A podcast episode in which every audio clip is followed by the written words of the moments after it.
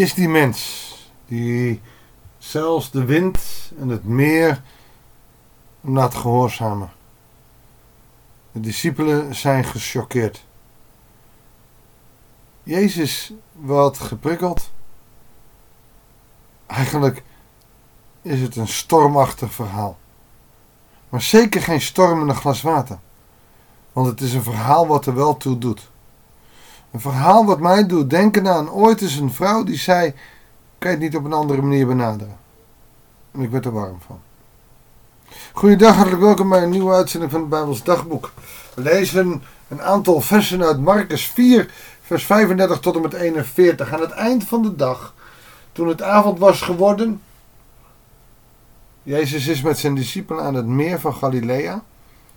En ik zal heel eerlijk zeggen dat het me stiekem toch wel prikkelt, omdat ik daar natuurlijk net zelf geweest ben. Je krijgt er een beeld bij. Zij tegen hem: Laten we het meer oversteken naar de overkant. Ze stuurden de menigte weg en namen hem mee in de boot waarin hij al zat. Ze voeren samen met hem met de andere boten het meer op. Er stak een hevige storm op en de golven beukten tegen de boot. Je kan je afvragen waarom ze als vissermannen nou zomaar dat meer opgaan. Het gekke is, het is zeer onvoorspelbaar, dat meer. In de tijden dat wij er waren, een paar weken terug, was er plotseling een hevige hagelbui. En ik sprak een, een, een kapitein van een boot. Die zei: Ik heb alle mensen op de grond laten zitten want het stormde even zo hevig. Ik was bang dat we omgingen. En na een kwartier was het water weer bladstil, was mooi weer, zonnetje erbij, alles kon drogen en ze konden de reis vervolgen. Nou, dat gebeurt hier ook. Er is plotseling een grote storm. Dat gebeurt daar in het meer van Galilea doordat er bergen omheen zitten, dat het vrij diep is en, en, en valwinden of zo om op, op een of andere manier over dat meer heen komen. Plots kan het daar heel kort en krachtig even veranderen. Zo ook hier. Deze ervaren, doorgewinterde vissermannen, ja, dat kan je afvragen. Ze waren gewend om op het meer van Galilea te varen. En dat is, ja, zelfs bij het IJsselmeer bij wijze van spreken, een klein meertje hoor. Het IJsselmeer is groter, daar zie je de overkant niet. En meer van Galilea kan de overkant zien. Het was dus maar een klein meertje. Alhoewel, ja, ik bedoel, laat ik het niet overdrijven. Als je naar de overkant moet zwemmen, dan heb je daar een beste ruk aan en dan lukt het je ook niet zomaar. Maar, nou ja, even om een inschatting te krijgen. Ze zitten midden op de meer en dat gaat stormen.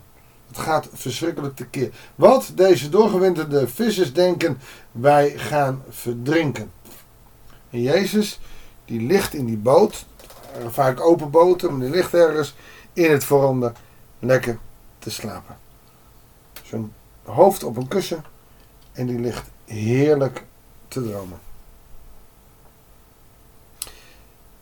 En dan maken ze wakker. Ze zijn in paniek. Jezus, help ons. We hebben u nodig. En dan kun je zeggen dat is mooi. Maar Jezus wordt er niet meteen warm van. Die heeft niet zoiets van, wat fijn dat jullie me wakker maken.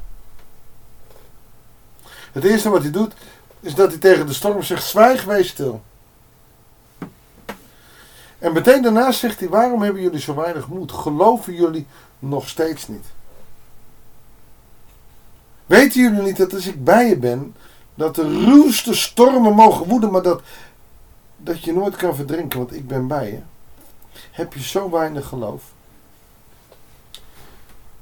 Ik noemde het net al, er is ooit een vrouw geweest die, die zei tegen mij op een bijbelstudie, waar ik altijd aan moet denken met dit verhaal, is waarom hebben de discipelen Jezus niet eerder wakker gemaakt?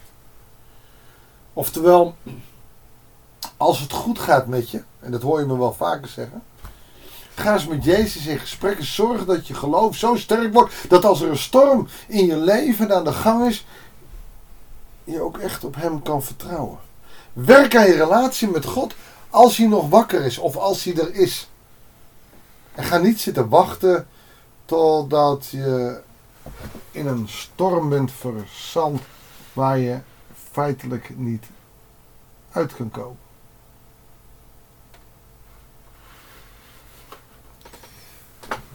En ik vind dat een interessante gedachte. Want als Jezus de storm heeft stilgelegd, zegt: Hebben jullie dan zo weinig geloof? En, en ze staan te shaken, want hij zelfs de golven en het meer dat luisteren naar hem. Maar hebben jullie dan zo weinig geloof? Is voor ons ook een mededeling. Weet je, jij en ik, wij krijgen onze stormen nog. Sommigen van jullie hebben al stormen gehad. Maar op een of andere manier beloof ik je, en ik gun het je niet, maar beloof ik je, er zullen meer stormen aankomen. Heftige, kleine, grote stormen, whatever, ze komen eraan. En jij komt er straks middenin te zitten. En dan is de vraag: hoeveel kun jij en durf jij te vertrouwen op Jezus dat Hij, zonder dat je hem aanroept, zonder dat je hem wakker maakt, bij je is. En dat alleen zijn aanwezigheid al genoeg is in jouw leven. Het is niet alleen voor de discipelen. Je hoeft niet letterlijk in een boot te zitten. Ook jij kan een stormachtig weer meemaken. Dat is bijzonder. Want het is een garantie voor ons allemaal. En dat hangt er dus maar vanaf hoeveel jij in je goede tijd met Jezus hebt opgetrokken. Zodat ook Hij echt een steun is en een toeverlaat is in moeilijke tijden. En ik kom mensen tegen. Die zo sterk geloof hebben dat zelfs in de diepste ellende van hun leven ze nog blijven vertrouwen. God niet de schuld geven. Niet zeggen waarom laat God dit toe, maar gewoon zeggen: God is bij mij. Hoe moeilijk ik dit ook vind. Ik hoop dat als de stormen groot worden in mijn leven, dat ik het ook kan zeggen. Ik zit er niet op te wachten om, om straks als het, als het moeilijk wordt, om geloof los te moeten laten.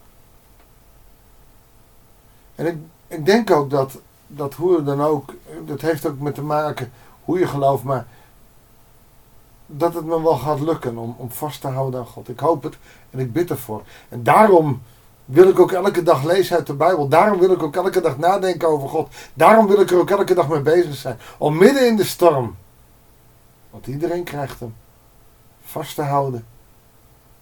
Jezus is bij me. Ik voel hem niet, ik hoor hem niet. Hij ligt te slapen, maar hij is bij me en dat is genoeg.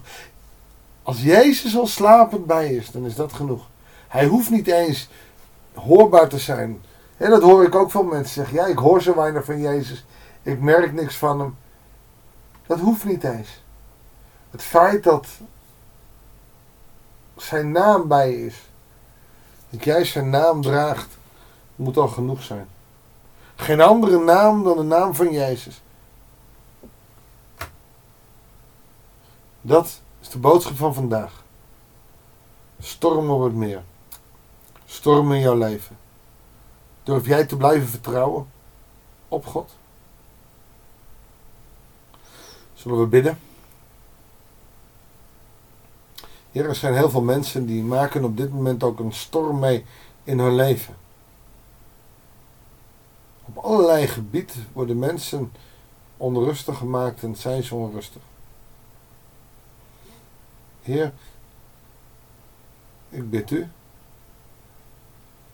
wil hen de kracht te geven om op u te blijven vertrouwen. Ook al denken ze dat u slaapt. Ook al denken ze dat u ver weg bent. Leer ze vertrouwen op uw naam. Dat u altijd bij hen bent. Ook in de diepste ellende. En geef ons, als wij nu goed in ons vel zitten, de kracht en het lef om werkelijk waar met u bezig te zijn. Om ons geloof steeds dieper te maken. Zodat we weten dat we rustig kunnen blijven als het gaat stormen. Help ons daar alstublieft mee, Heer. Dat bidden we u in Jezus' naam. Amen. Een prachtig mooi verhaal, een mooi voorbeeld wat toen gebeurd is, maar wat voor jou ook nog steeds een realiteit is. Ik wens je daarmee God zegen en graag tot de volgende uitzending van het Bijbels Dagboek.